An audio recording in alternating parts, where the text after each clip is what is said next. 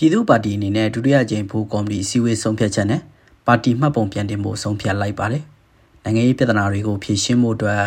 ဖရယ်ဒီမိုကရေစီပေါ်ခိုင်ခိုင်မာမာရပ်တည်မဲ့နိုင်ငံရေးပါတီတွေလိုအပ်တယ်လို့ပြည်သူ့ပါတီအနေနဲ့အကြမ်းမဖက်နိုင်ငံရေးနီလန်ကိုယုံကြည်ပြီး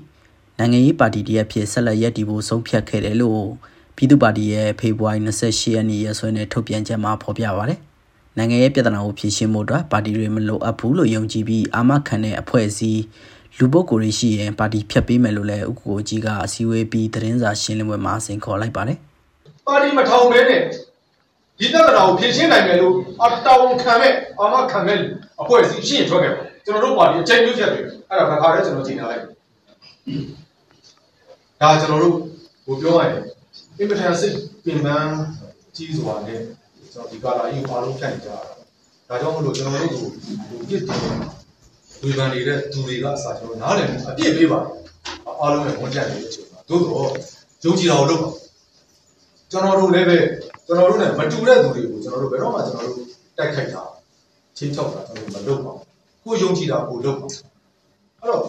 ကျွန်တော်ယုံကြည်တာကိုဖြတ်သိမ်းပေးဖို့ဆိုရင်တစ်ဖက်ကတာဝန်ယူပေးပါတာဝန်ခံပေးပါပြည်သူ့ပါတီအနေနဲ့တတ်မှတ်ရအတွင်းပါတီမှတ်ပုံတင်သွားမယ်လို့လည်းဆိုပါတယ် ဒါပြင်မြို့သားညီညွတ်သောဒီမိုကရက်တစ်ပါတီ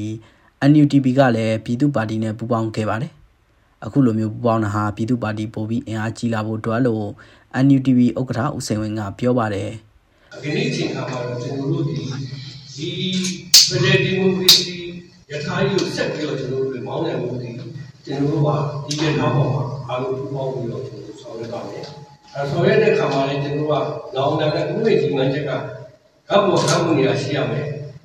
ဒီတိုင်းရဲ့မိသားရေးတွဲပေါ်မှာရှိရမယ်လက်မစစ်ကလက်မစစ်နေရာမှာရှိတယ်စမောင်းသမားစမောင်းသမားနေရာမှာရှိရမယ်ကျွန်တော်တို့ကအဲ့ဒီအတွက်ကျွန်တော်တို့ပါနေတဲ့ခုပါဒီပေါ်မှာကျွန်တော်အာရုံစိုက်နေတယ်လက်ရှိအခြေအနေရကျွန်တော်တို့ဒီဒီပါတီဒီတရားဝင်ပါတီဖြစ်အောင်လုပ်ရမယ်ဆိုတဲ့ခုဒီတော့ကျွန်တော်တို့ဥတီချက်ကိုကျွန်တော်ပါတီဖြစ်ပါတယ်လက်ရှိစစ်ကောင်စီရွေးကောက်ပွဲကော်မရှင်မှမှတ်ပုံတင်ထားတဲ့ ပါတီစုစုပေါင်း73ပါတီရှိနေပြီးပြည်ထောင်စုတစ်ခုလုံးစီယုံမဲ့ပါတီ9ပါတီနဲ့တိုင်းဒေသကြီးသို့မဟုတ်ပြည်နယ်မှာစီယုံမဲ့ပါတီ10ပါတီတို့ဖြစ်ပါတယ်ကျွန်တော်ထအောင်ပါ